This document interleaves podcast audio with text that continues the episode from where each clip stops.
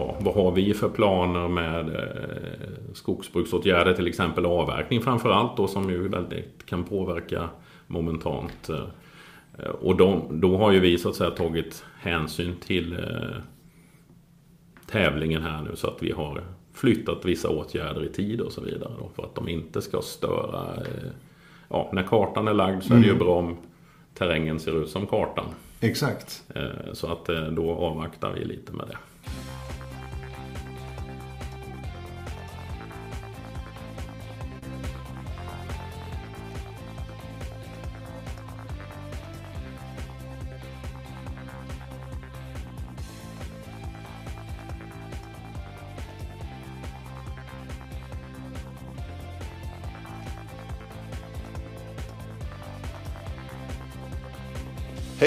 Här är Radio O-ringen Podcast tillbaka med ett nytt avsnitt nummer 124 i ordningen. Och så här, bara nu direkt veckan innan O-ringen Kolmården ska dra igång här 2019 så ska vi prata om skogen. Just det!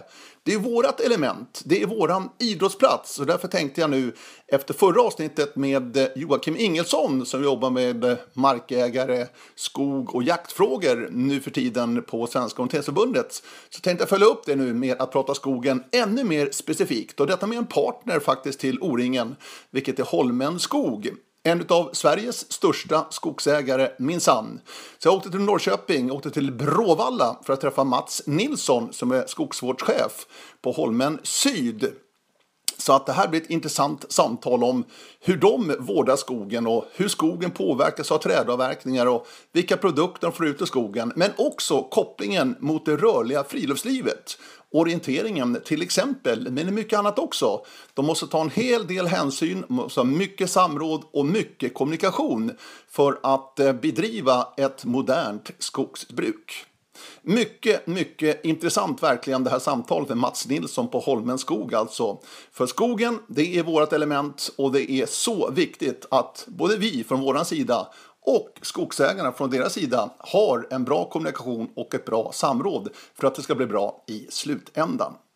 Så varmt välkomna till sommaravsnittet av Radio O-ringen Podcast nummer 124 i ordningen.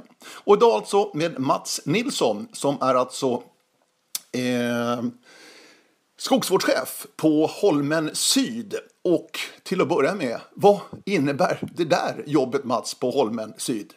Det innebär eh, att jag tillsammans med mina medarbetare ansvarar för eh, skogsvården, det vill säga egentligen återbeskogning, plantering, eh, markberedning, plantering, röjning, skötsel av ungskog kan man säga. Fram tills dess att de ungskogarna blir att man ska börja gallra och avverka i dem. Så då, då har vi liksom släppt Eh, taget om dem. Då. Och det gör vi på, på egna skogen, det gör vi på eh, köpskog, alltså där vi har ett samarbete med privata skogsägare. Vi hjälper dem med det. Eh, mm. Ja, så det är min roll. Sen eh, också håller jag på med eh, viltförvaltning och jaktfrågor också. Just det. Det här ska bli superintressant tycker jag. Eh, orienteringen är, har sin idrottsplats i skogen. Mm, absolut. Och vi måste ha samråd med markägare. Och ni är en av landets största skogsägare minsann, Holmen. Ja, vi är ju en av de större skogsägarna i Sverige. Vi har ju ungefär lite drygt en miljon hektar produktiv skogsmark. En miljon hektar? Ja. Vad, vad, vad innebär det liksom? Det är svårt ja. greppa tycker jag. En hektar är ju 100 gånger 100 meter. Ja. Så att det är ju en eh, jätteyta. Det är jätteyta. Ja. Det är jätteyta. Eh, och lägger vi där till liksom det som man kallar impediment och så vidare. Alltså skogsmark där det inte växer eh, mer än en kubik per år. Så, så är det ju lite granna till då. Så det är ju ett par hundratusen hektar till då. Mm. Bergaområden, lite lågproduktiv, lite myr och sankmarker liksom. Så att eh, det är stora ytor. Mm. Holmen, ska vi bara sätta in det. Holmen är en stor koncern. Och ni jobbar egentligen från ax till limpa. Ja, eller från, eh, från frö till eh, planka kanske. Ännu bättre. Ja. ja eller vad det nu eh, blir för någonting.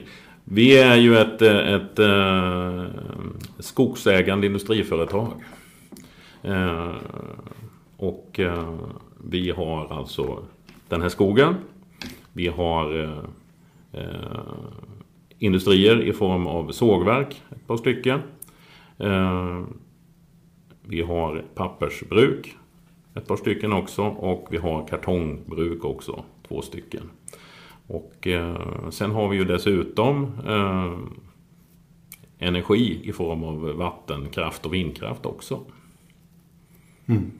Så att eh, vi med utgångspunkt från, från eh, markbrukande och innehavet så att säga så har ju vi eh, tillverkar vi produkter som kommer från vår råvarubas, det vill säga skog och eh, vatten, vind. Mm.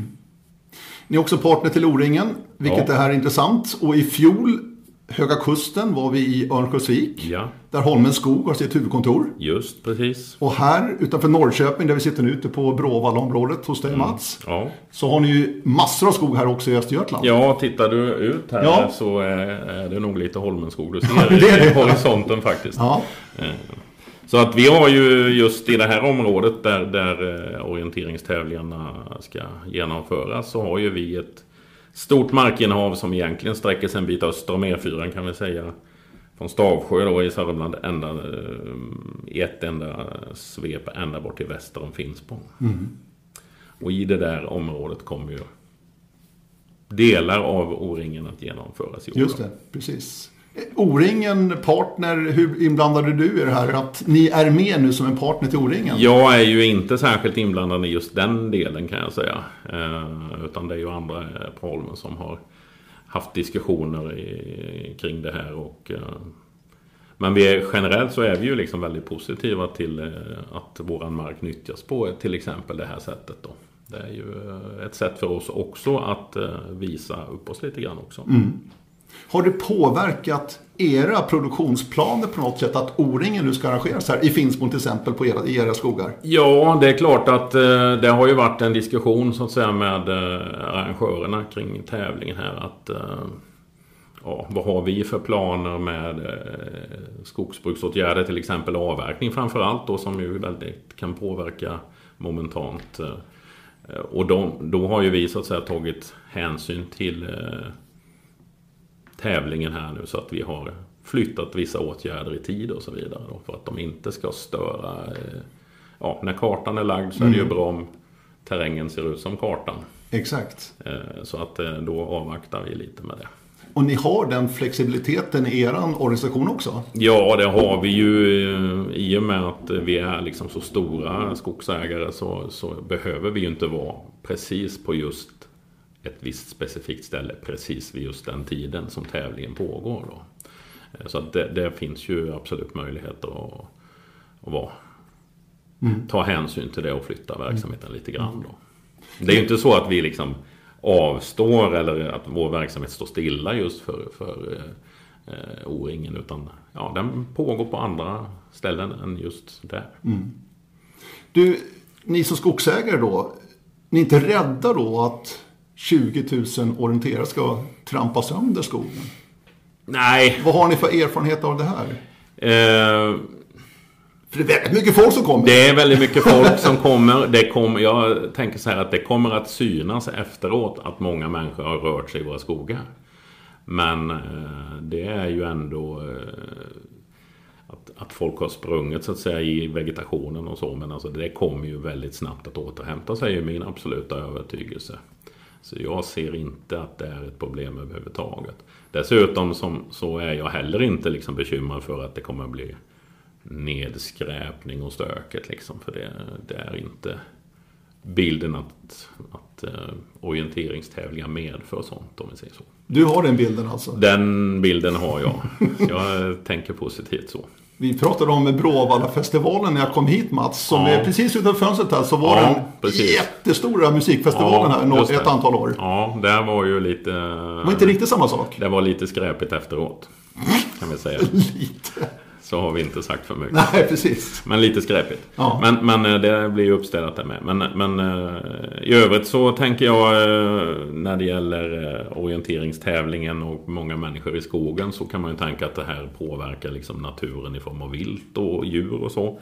Och där är ju ändå så att där genomförs ju liksom man driver ju av områdena där tävlingen ska genomföras precis innan själva tävlingen genomförs. Så att den påverkan, eh, djuren flyttar sig och återkommer liksom när, när man har orienterat färdigt så att mm. säga. Så att mm. jag tänker att det är så liten påverkan man kan mm, nå så att säga. Mm. För inte bara orientera det rörliga friluftslivet överhuvudtaget. Det är ju någonting som ni måste ta hänsyn till absolut. också mellan varven. Ja men absolut så är det ju. Och det, vi är ju eh, i vårt skogsinnehav så är ju det delvis eh, nära bebyggelse och tätorter. Vi kan ta exemplet här Finspång, Grossvad som ju är, är eh, där Holmen har så att säga skogen eh, precis norr om, om eh, Finspång och där är då ett eh, friluftsområde med diverse eh, spår och eh, träningsspår och anläggningar så att säga kopplat till ja, löpning och skidåkning och så. Mm.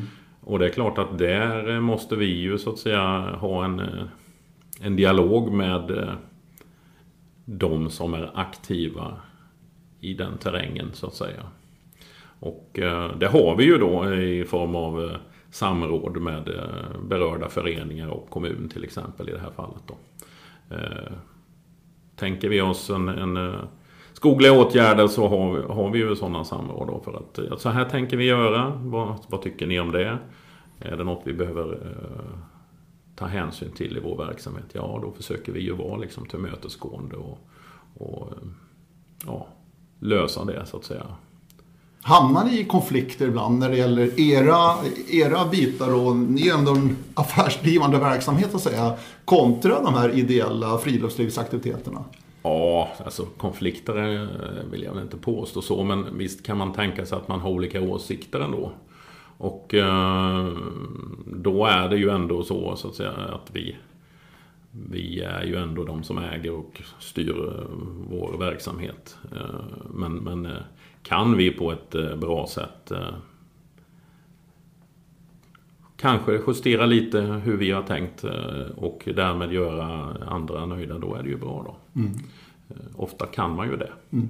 Det kan ju vara att man gör mindre justeringar av det man har tänkt eller det man lägger det en viss tid så att säga. Som exempelvis det här med avverkning kopplat till O-ringen då. Att man behöver ju inte vara med maskiner just precis där. Mm. Man springer med orientering just då. Mm. Men jag upplever att det är en eh, bra och konstruktiv dialog och liksom förståelse från bägge sidor tycker jag. I hur det här funkar. Mm. Det du kan absolut bäst eh, Mats, det är ju skogen. Ja, ja. det får vi väl eh, tro kanske. Jag, jag, tycker också jag kan en del om skogen, men inte, på, inte liksom din kunskap, din spetskompetens. Eh, jag är själv uppvuxen, hade skogen eh, uppför söder om Stockholm. Mm. Ute på Södertörn. Ja. Hade hela Hanvedsområdet okay. utanför dörren. Ja. Så att jag var ju i skogen varenda dag. Men jag har ju sett det med mina ögon. Mm. Eh, mina orienteringsögon så säga. Mm. Och tycker, mm. ja, fin terräng, dålig terräng. Åh, här mm. kommer ett hygge. Du förstår hur jag tänker. Mm. Mm. Du ser skogen på ett annat sätt. Ja, kan precis. tänka mig. Ja, det beror ju lite på faktiskt. Men det är klart att jag ser ju skogen jag tänker ju liksom skogsproduktion. Ja, och ju, du ser pengar i skogen. Ja, det gör jag ju absolut. Eh, samtidigt som jag ser väl annat också. I form av, jag är ju till exempel väldigt intresserad av natur och har alltid varit ända sedan barndom. Och det är väl därför jag jobbar med det jag gör. Ja. Och eh, vi pratade tidigare om, om, att man kan titta ut genom fönstret och se en havsörn eller en, mm. jag såg en lärkfalk här ute häromdagen. Jag gillar att kolla på fåglar. Det är också en del av naturintresset. Sen håller jag på med både eh, fiske och jakt också. Så allt liksom min, mina fritidsintressen pendlar ju kring naturen mm. i stort. Alltså, så är det ju. Mm. Ja, nu seglade jag iväg lite där. Men nu hade du någon fråga som jag tappade lite. Nej men hur du ser skogen ja, var du var precis. inne på lite grann. Ja, du har ju andra ögon vad jag har. Ja, men alltså i min yrkesroll så att säga så är det ju absolut Eh, skogsproduktion som, som är det som vi sysslar med. Mm. Och eh, det är ju eh, grunden till att vi eh, kan ha en industri så att säga som, som eh, vi ska försörja med virke. Mm. Och den här industrin ska ju då eh, dessutom producera bra grejer som kan behövas. Till exempel diverse kartonger eller förpackningar eller papper av olika slag. Eller plank och brädor som man kan bygga sitt hus av exempelvis. Mm. Mm. Och då är ju det riktigt bra produkter. Kommer förnyelsebart, så att säga, är förnyelsebara och under, så att säga, när skogen växer så binder den ju massa koldioxid. Det är ju liksom den stora grejen då. Den är viktig. Ja, jätteviktig. Och om man dessutom då avverkar den här skogen sågar upp stockarna och bygger ett hus så binder man ju dessutom den koldioxiden kanske i hundra år. Eh, så länge det här huset står så är ju den koldioxiden bunden. Och den nya skogen man sätter dit den växer ju bra och binder under tillväxten. Det är därför det är viktigt med ett aktivt skogsbruk så att säga. Att man har växtlig skog som hela tiden binder in mer koldioxid. Och man får bra produkter från de som ja, förhoppningsvis då eh, ersätter andra mindre eh, klimatsmarta produkter. Mm, mm. Eh, skogen är väl jag vet inte om det är Sveriges viktigaste naturtillgång. Vi har ju malmen också, vi har ju vattnet som också är viktigt naturligtvis. Ja. Eh, det är nog svårt att gradera, men det är en viktig naturtillgång vi har i Sverige. Abs alltså absolut. skogen. Så är det ju, absolut. Och den har ju starkt bidragit till eh, Sveriges utveckling som nation, skulle jag säga. Om man tänker eh, tillbaks ett antal hundra år här. Mm. Så det har ju varit en, en av nycklarna till att Sverige har blivit ett, ett, ett starkt industriland. Mm. Men jag tänkte du Mats, som, som, har kunskapen verkligen, ge mig en bild och mina orienteringsvänner en bild av hur ni tänker när ni ska avverka skog. Det finns ju produktionsskogar kallar ni det för. Mm. Det är ju de som är avverkningsbara om två år, om tio år, om 20 år, om 30 ja, år. Eller ja, inte, berätta lite om hur, hur liksom den här verksamheten fungerar. Ja, för det är nog en bra bild ändå för oss att få reda på. Precis. Man kan ju säga som så här att, att eh, vi har ju ett, eh, ett register eller en beskrivning av våra skogar. Ett innehav så att säga. Mm. Som är beskrivet både i form av eh, med kartor och med en, en, beskrivning av vad det är för typ av skog som står var någonstans i terrängen så att säga. Det är ju det man kallar en skogsbruksplan normalt sett då. Och det har ju vi också, absolut en sån. Eh, utifrån den så tittar vi ju på Vi vill ju bruka skogen idag Men en hög eh, avkastning och i framtiden. Så det gäller ju liksom att tänka så att Vi har någonting att hämta i framtiden också. Och utifrån det perspektivet så gör ju vi på Holmen då På våra egna skogar en avverkningsberäkning. Alltså vi Vi kalkylerar hur, ska, hur mycket kan vi så att säga eh, avverka nu och hundra år framåt. Så det är ju ett hundraårsperspektiv. Det är så pass? Faktiskt. Wow. Och eh, utifrån det då så kommer man fram till ja, ungefär så här mycket i varje tioårsperiod. Och eh, utifrån det sen så tittar man ju på då har man en volym så att säga och sen så utifrån det sen var någonstans ska vi då, vilka utav de här bestånden, alltså småskogsområdena ska vi eh, avverka. Och då tittar man ju på egentligen hur de växer i förhållande till eh, en, en räntesats kan man säga. Mm. Och då ehm, de som förräntar värdet eh, minst, de hugger man ju först. Mm. Så det är ju liksom en, en, kalkyl bakom det då. Och sen när man väl har bestämt sig att ja, men det är ungefär de här områdena. Då är det ju då att planera den här åtgärden. Och då är det eh, någon medarbetare som eh, dels tittar på kartor, läser i registret vad som står, men åker ut framförallt och går igenom det här området. Funderar igenom hur ska vi göra här i form av när vi ska så att säga avverka skogen. Hur ska vi göra vad gäller hänsyn? Då kan det vara naturvårdshänsyn, det kan vara hänsyn till kulturmiljöer. Det kan vara hänsyn till rörligt friluftsliv exempelvis. Vi, vi har ju exempelvis både eh, Östgötaleden och, och eh, Sörmlandsleden mm. genom våra marker mm. bitvis då. Eller något annat sånt. Och sen så har vi dessutom hur ska vi liksom få dit ny skog sen?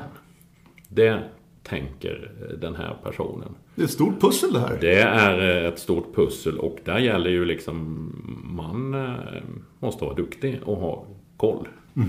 Och då eh, tar den här eh, traktplaneraren som vi kallar då eh, fram ett underlag för hur avverkningen ska ske, vilken hänsyn ska vi ta, hur ska vi återbeskoga och så vidare. Och det är sen liksom ritningen för de åtgärderna som ska komma sen. Mm. I form av avverkning, kanske bioenergiuttag och sen så är det ju då återbeskogningen. Så att, eh, allt är liksom eh, fältplanerat och eh, det där dokumenterar man ju då i en, ja, i en padda i princip. Mm. Och det finns, de här planerna finns ju sen. Och sen, sen utifrån vad det är för behov just när det gäller vad industrin vill ha för virke. Man vill ju alltid ha någon slags virke. Eh, så, så eh, väljer man de här trakterna. Och sen så är det, ja, eh, sen, sen rullar liksom maskineriet igång. Då. Mm. Finns det någon minimiyta för att det ska vara lönsamt så att säga att göra den här stora processen innan man ska slutavverka eller ett uttag ja, som du sa? Alltså det är ju normalt sett så här att man försöker att titta liksom rationellt kring um, i den här närgeografin. Mm. Finns det flera likartade då försöker man ju slå ihop det. Absolut.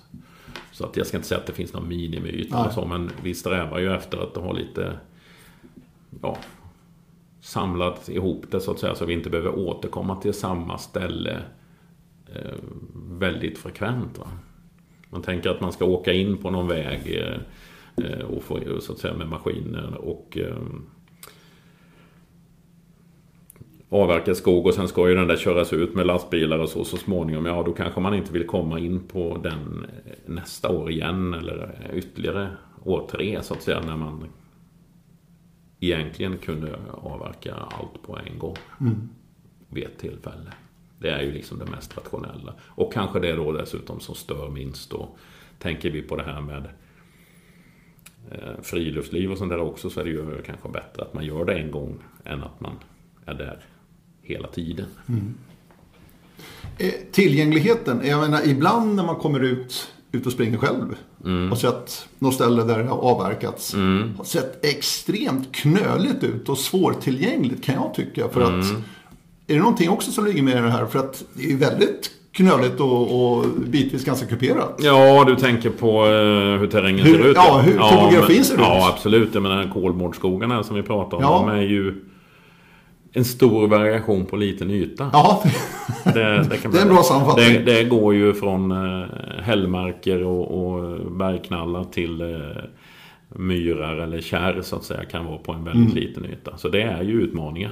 Absolut. Eh, och eh, det är ju den som planerar trakten plus de som genomför åtgärderna. De är ju, tänker ju på det här hela tiden. Var man ska köra och hur man ska liksom eh, lägga vägar och sånt där. Mm. Alltså traktorvägar. Då. Mm. Så att vi påverkar så lite som möjligt.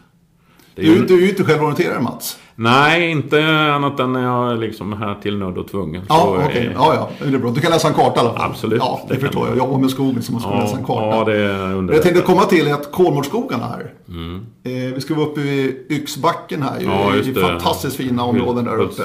Där. Ja, precis. Och även Finspång som du var inne på ja, då. Precis. Vi betraktat och orienterades kanske som den bästa terrängen i hela Sverige. Okej. Okay. Ja, men det är, är det någonting ni tar hänsyn till? Att här, vi får nog spara det här. Det här gillar orienterarna.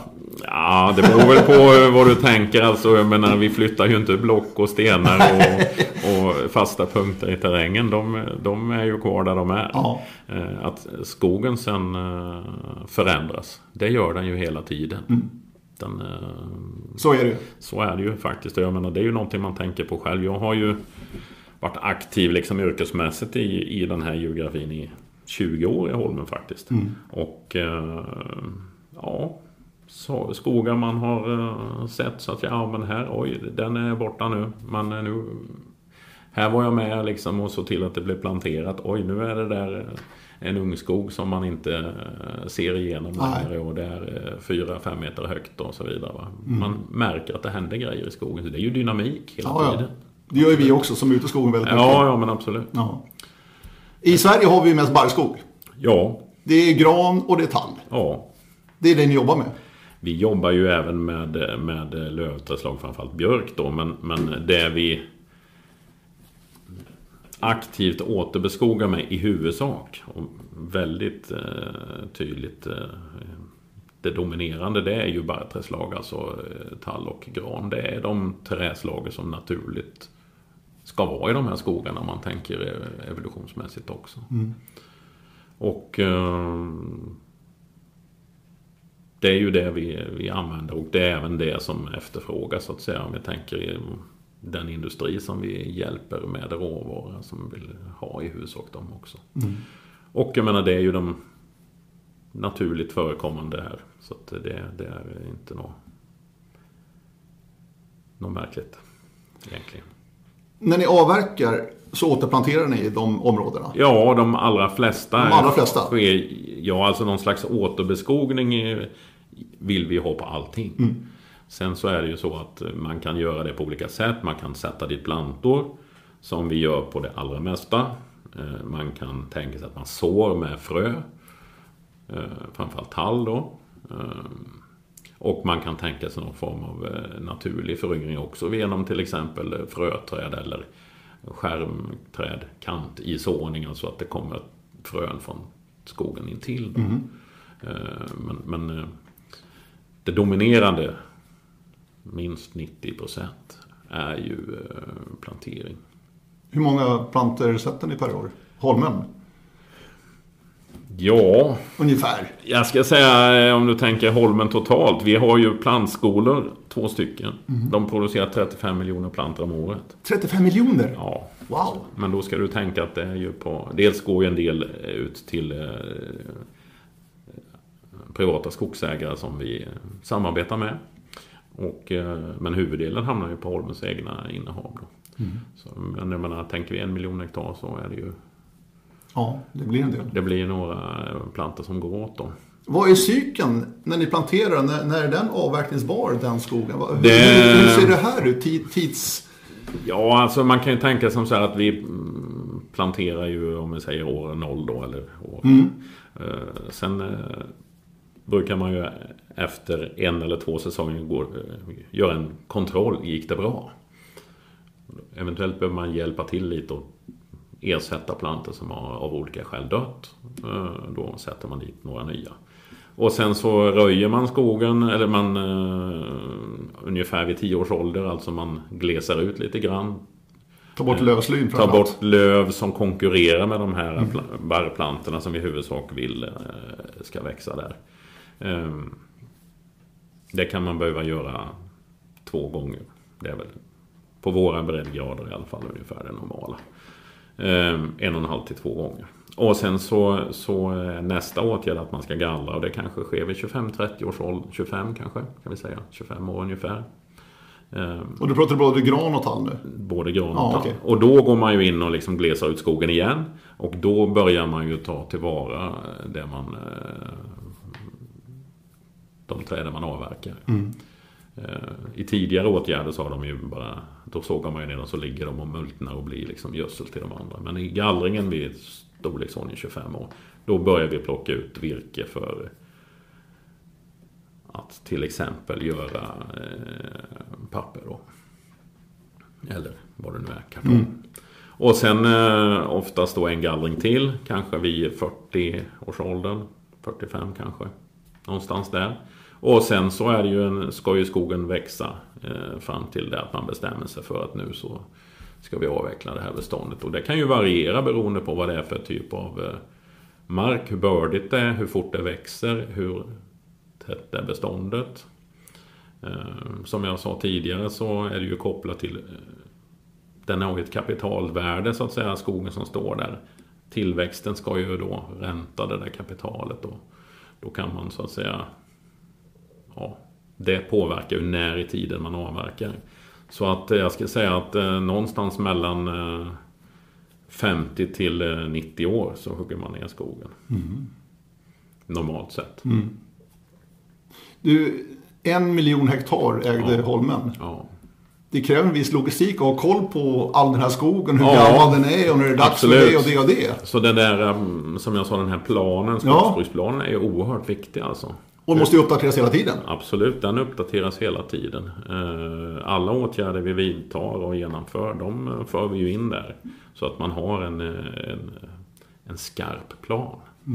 Eh, Slarvar man med det så går det fort utför. Ja.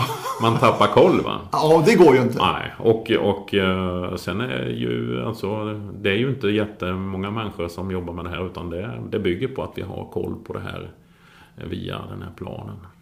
Utan den så Så Ja, risken är ju liksom att man glömmer grejer Eller att man tar fel beslut. Mm. Så att den är väsentlig. Och den ses ju över också med jämna mellanrum eh, i form av eh, eh, ja, taxeringar kan vi säga. Men om vi tar det konkret, nu är det mitt i sommaren här Mats, det är ganska lugnt här på kontoret också. Mm. precis. Skogsvårdschef är du alltså, Ja. Holmen Syd. Ja. Hur, hur mycket pågår just nu i dina domäner här? Du tänker på eh, skogsvårdssidan eller tänker du på avverkning? Ja, både och egentligen. Alltså, Alltså, det eh, pågår hela tiden någonting, det förstår jag ju. Ja, det gör det absolut. Och eh, tittar man på avverkningssidan så pågår den ju året runt. Det är året Hel, runt. Hela tiden. Ja. Eh, de eh, industrier vi försörjer vill ju ha virke hela tiden. Kan Eh. ni försörja industrin med eget virke bara? Inte... Nej, vi eh, behöver ju eh, samarbeta med eh, andra. Privata? Så vi köper en hel del, Ja. eller vi köper väldigt mycket virke av andra skogsägare. Okej. Och samarbetar så att säga på Mm, olika sätt. För att ser man till eh, vår geografi här i, i Region Syd då som ju är man säger Sörmland, Östergötland, Kalmar län kan vi säga och eh, Närke och delar av Västmanland.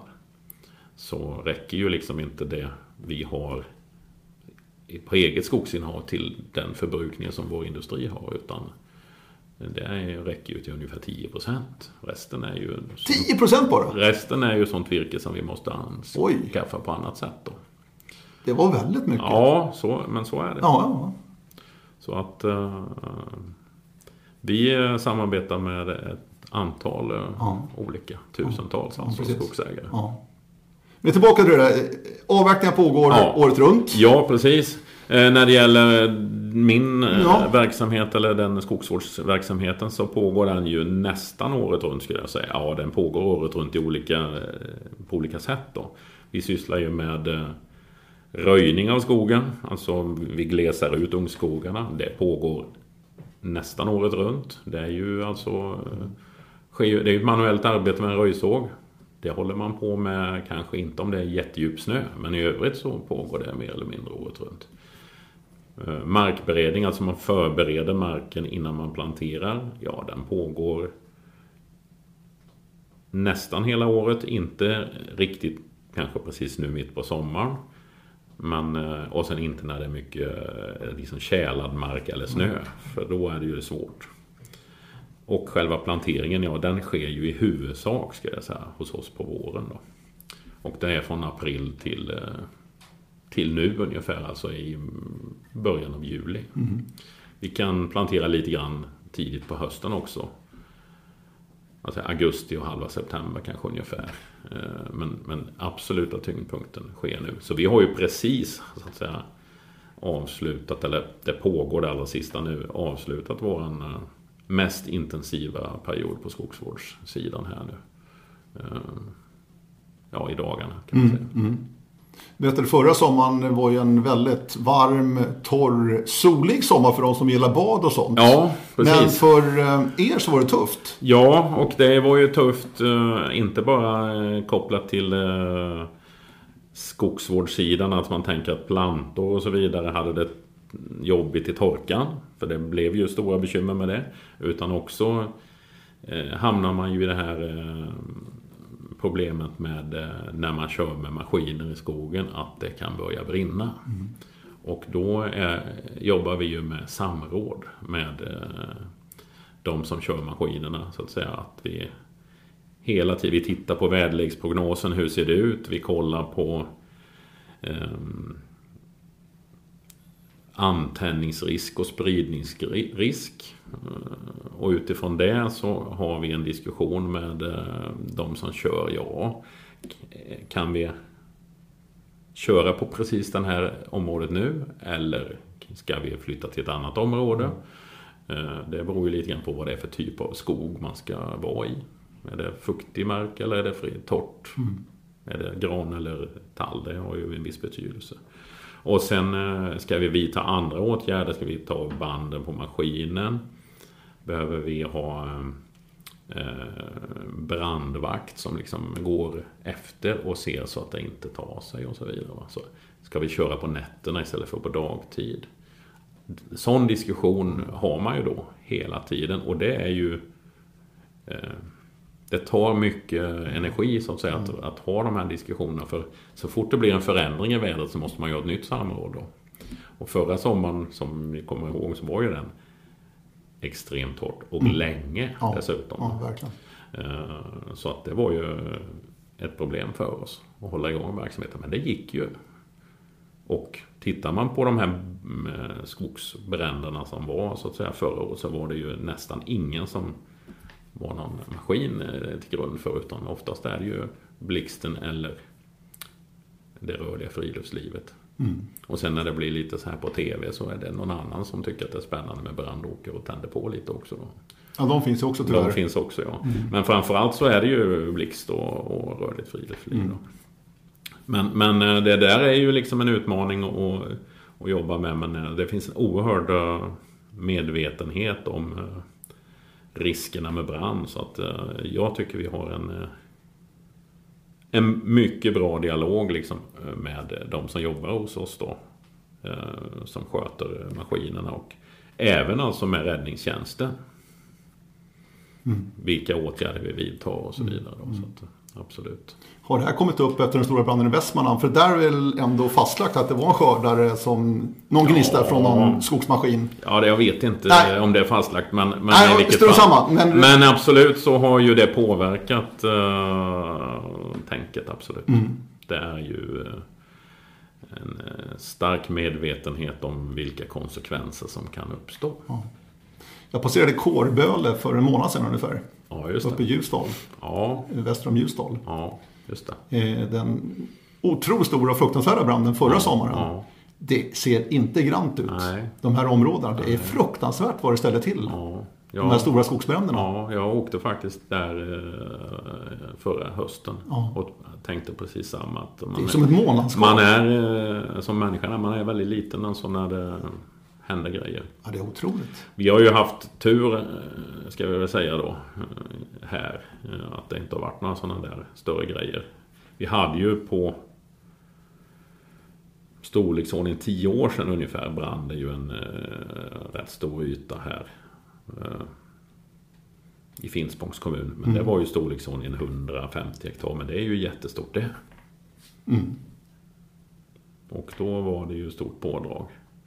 Men eh, annars har ju vi varit ganska så här långt förskonade från större bränder. Sen är det ju men har man mycket skogsmark så brinner det ju på eh, varje år på skogen. Alltså, absolut. Det har det gjort i år också trots att det är en, en sommar som är eh, relativt bra då med mm. varierad väderlek och mycket nederbörd. Mm. Men det händer ju grejer ändå. Mm. Och eh, det är blixtnedslag och det är de som eh, tycker att det man vill vara ute i skogen och grilla och tänker inte på eh, riktigt på riskerna kring det då. Och så vidare. Mm. Men, men eh, ja. Du, eh, jag åkte Idre här för några veckor sedan. Eh, åkte mellan Sälen och Idre, en skön liten fin väg mm, där mellan mm. Sälen och Idre upp. Och där hade de kalhugget, jag, jag säger rejäla hyggen. Mm. Eh, markbrett också, det, det, det såg gräsligt ut, tycker mm. jag då med mina. Mm skogsögon och mina orienteringsögon. Mm. Det var så fin terräng där förut också. Mm. Vi var inne på det tidigare Mats lite grann. Mm. Men ändå, det ser ju förfärligt ut. Precis efter de har tagit allting. Ja, det är, det är väl... säger, skönhet, Man blir lite ledsen i ögat liksom. skö- skönhet sitter ju i betraktarens öga, säger Precis, jag. jo. Eh, Och, och eh, det är väl så att man ser olika saker. Men visst, jag kan förstå det också. Stora ytor. Så För det var stora är- ytor här, alltså verkligen stora ytor. Och, och har man dessutom kanske markbrett Nu vet ju inte jag hur det såg ut Nej. där men, men man kan ju markbreda på olika sätt och man kan vara mer eller mindre liksom aggressiv i, i hur den där eh, utförs då. Och det där är ju grejer vi jobbar med i alla fall. eh, Vad gäller hänsyn till exempel så är ju det ett sätt att eh, minska intrycket av en sån här eh, hyggesyta. För vår del, om vi tänker kolmårdsterrängen, så är ju ofta terrängen så varierad så att det är sällan man Man får den känslan. upplever att det är ett stort eh, hygge, även om det faktiskt är det. Sen så är stort, det kan man ju fundera på. Men alltså, eh, variationer i terrängen gör att det upplevs mindre. Det finns ofta ja, några fuktområden eller hällmarker och så vidare. Där blir det liksom naturligt. Det blir lite hänsyn kring dem också då. Och det är också där det liksom är biologiskt rätt att lämna hänsynen. Ehm, och sen så eh, vad gäller eh, markberedning och sånt där så så försöker vi ju eh, så långt det går då är lämpligt använda en metod som gör markpåverkan mindre. Kan man säga. Vi, vi siktar ju i första hand på att använda en högläggare då, och att den, det gör markpåverkan lite mindre. Ehm, men sen funkar den inte överallt. Om det är sten och stubbar och mycket ris kvar och sådär. Men, men eh, då får man använda en, en annan metod som heter harv då som blir större markpåverkan. Men sen kan man också beroende på hur man kör den harven eh, påverka olika mycket. Då. Men eh, ja, Men vi har varit inne på det tidigare lite grann, det här med hänsyn som ni Mm. som skogsägare när ni ska avverka annat. Tänk på naturvårdsområden, naturreservat, en annan sak. ja, Eh, som både ni och vi också påverkas av. Ja. För då blir det restriktioner. ja absolut. Eh, ganska stora sådana. Ja, så, så är det ju. De blir ju i allmänhet, om det är ett reserv, naturreservat, så är ju i allmänhet inte vi markägare längre. Nej, Utan då är det ju oftast Naturvårdsverket som äger de markerna och då, de blir ju oftast eh, inte något skogsbruk i. får ni ersättning för sådana saker när det blir sånt skifte så att säga? Ja. När man gör ett reservat? Ja, så eh, blir det ju normalt sett. Ja, Sen har ju vi... det blir en slags inlösen liksom. Ja, alltså det, det var ju till exempel ett, ett eh, stort markbyte här för ett antal år sedan där bland annat Holmen fick eh, annan skogsmark, lämnade skogsmark som blev reservat. Egentligen våra, det som vi hade så att säga avsatt frivilligt som naturvårdsytor. Eh, våra egentligen finaste frivilliga naturvårdsavsättningar. De, ble, de var ju så fina så de var reservatsklass på. De löste ju så att säga staten in och det blev reservat. Och då fick vi betalt så att säga i form av annan skogsmark då. Eh, ja. Så att det, det är ju så att det är någon slags form av eh, inlösen på något sätt. Samtidigt så är det ju så att vi har ju ett certifierat skogsbruk. eh, Och det innebär ju då att man eh, frivilligt avstår att bruka. I vårt fall är det ju, ja, det är ju 5% utav ytan.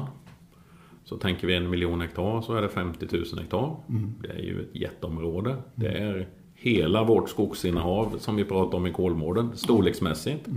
Eh, Det avstår vi att bruka med så att säga ekonomiska incitament. Eh, Utan gör vi åtgärder där så är de för att öka naturvärdena.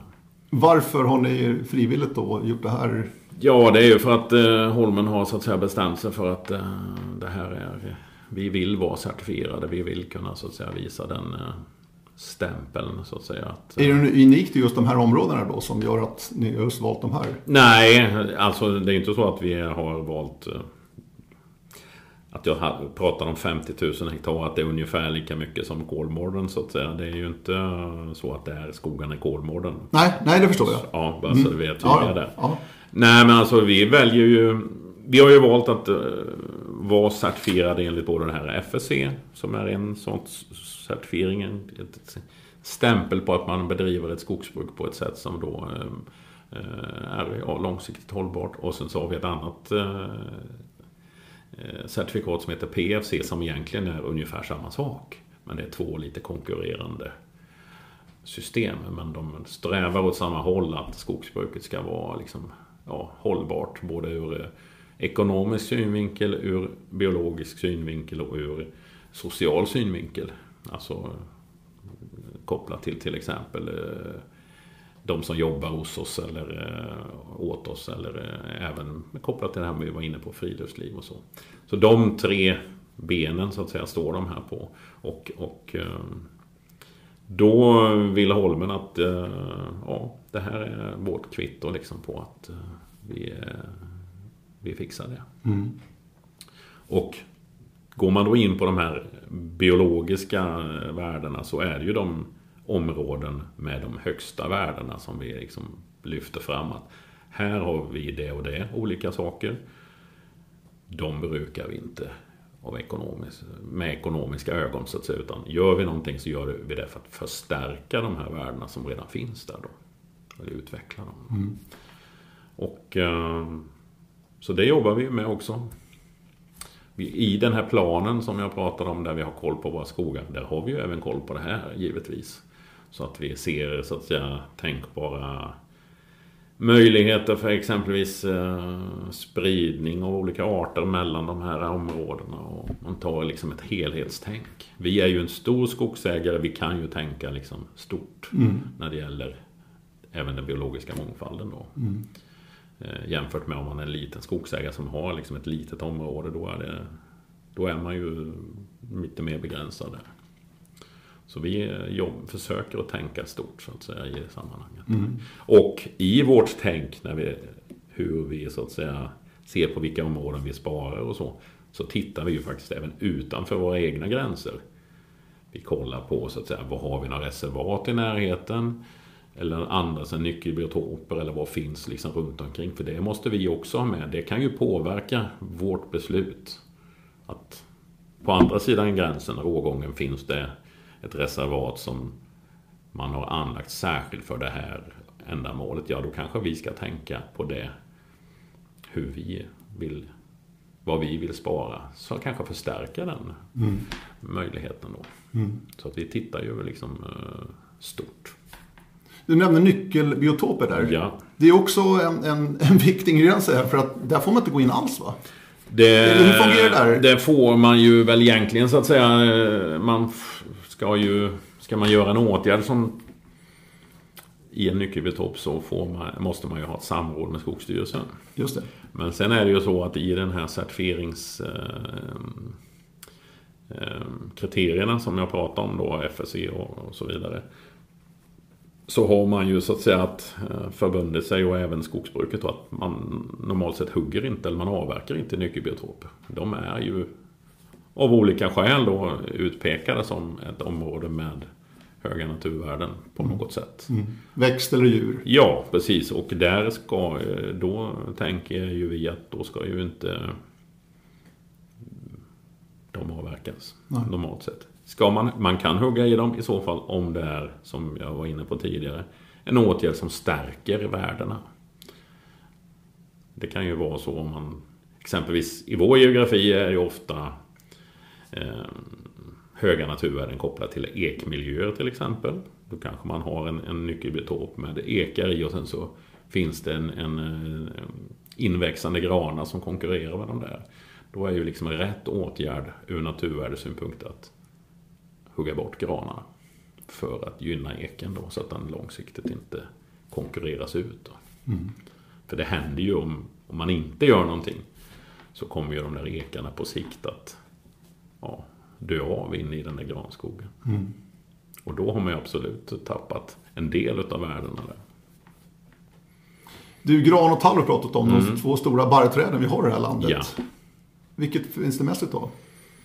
Tänker du i Sverige eller? Ja, ja det vet jag faktiskt inte. jag kan säga att tittar vi på Holmens skogsinnehav på Region ja. Syd så är det ju faktiskt talldominans. Det är talldominans där? Ja. ja okay. Och det, tittar man på den här lite branta terrängen och lite varierar så kanske det inte är så konstigt egentligen. Nej. Eh, sen vet jag inte hur det är i Sverige faktiskt. Jag läste på lite om det här nämligen Ja, okej. och kollade statistik. Ja. Det, det, det är väldigt tight race faktiskt. Ja. Men eh, om man tar bort contortatallen, Ja. som ju inte planteras längre.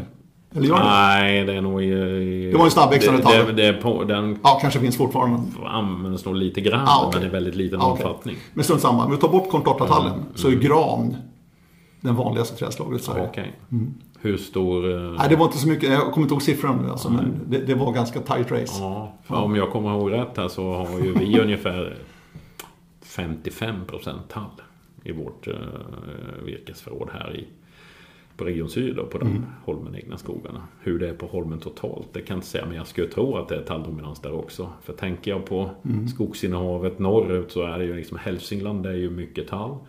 Eh, Västerbotten, Västernorrland, mycket tall. Jämtland är ganska mycket gran. Men eh, arealerna finns liksom i tall. Det måste vara tall som är dominerande hos oss. jag. Totalt på de här en miljon hektaren i alla fall. Eh, lite på nyckelbiotoper, biologisk mångfald.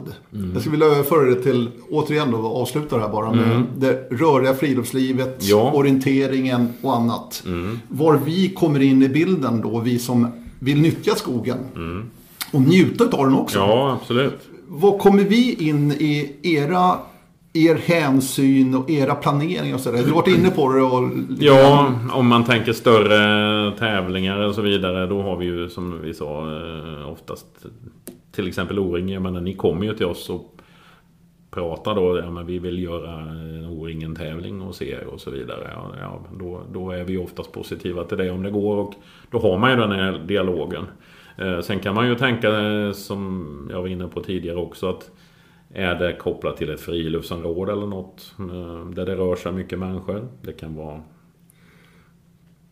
skidspår eller, eller eh, löparspår eller någon annan sån Cykelleder. cykelleder.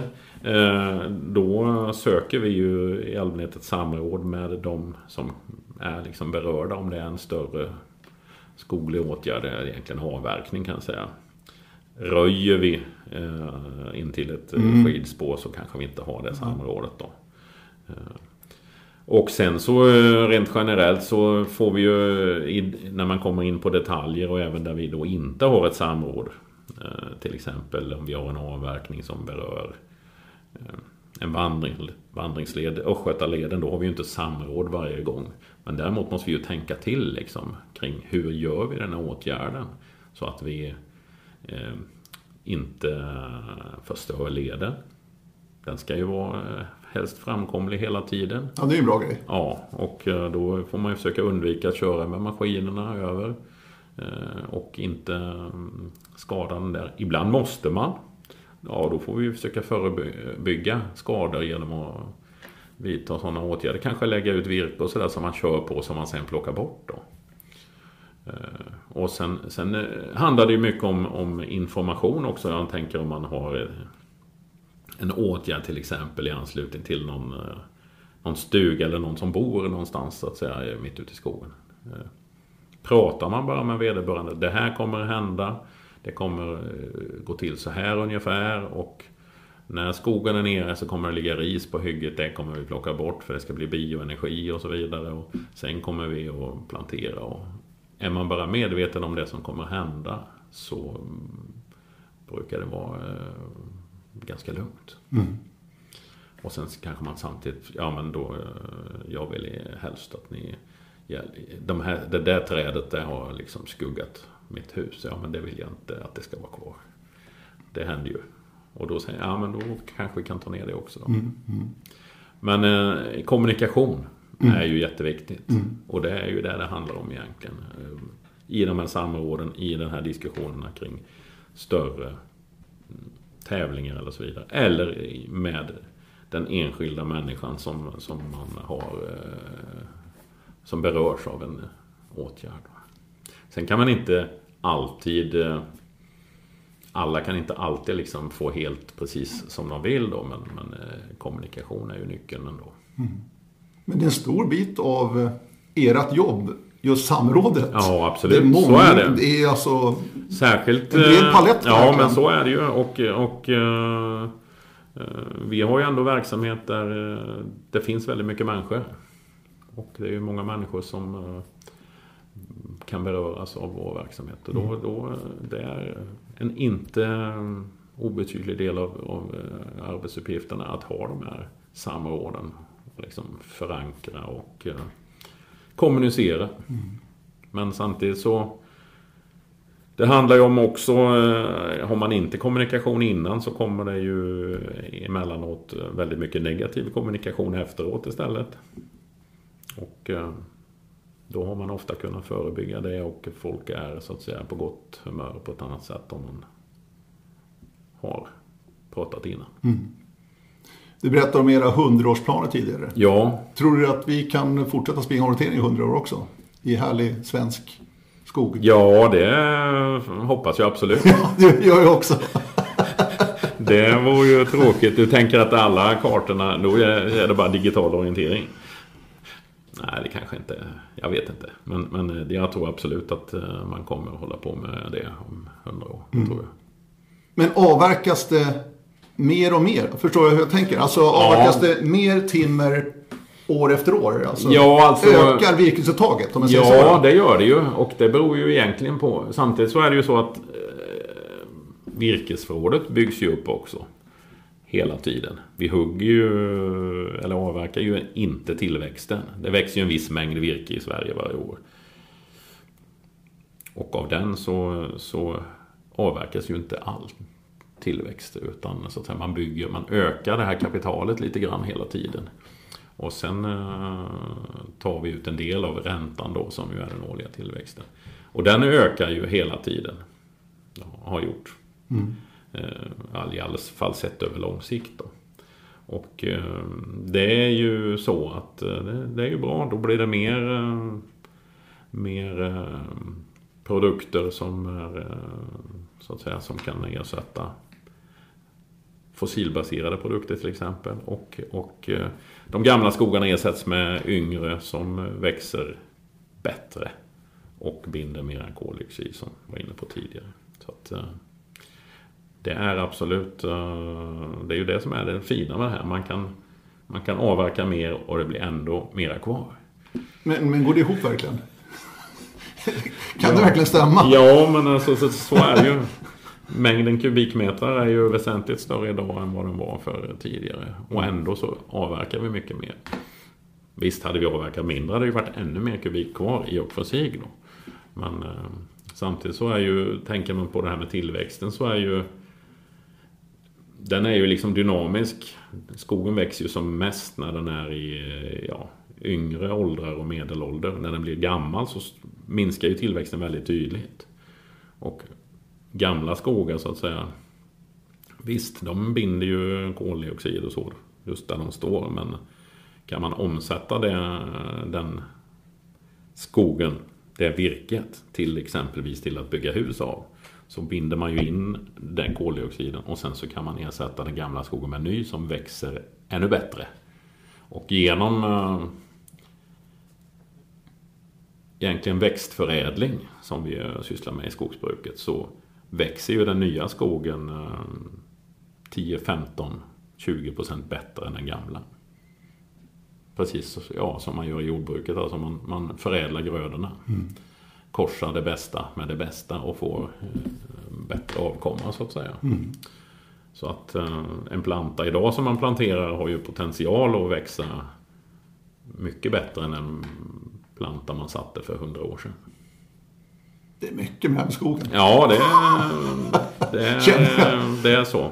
Det här var en härlig lektion faktiskt. Ja, men det var trevligt att Väldigt prata. spännande. Mm, tack. Mats Nilsson, skogsvårdschef alltså, Holmen Syd. Ja, precis. Eh, stort tack Tack. för att du var med här på Radio O-ringen. Hör gärna av er. Radio oringen.se är adressen som vanligt. Mm. Vi säger tack och bock. Och lycka till på O-ringen i Kolmården och Norrköping Finspång.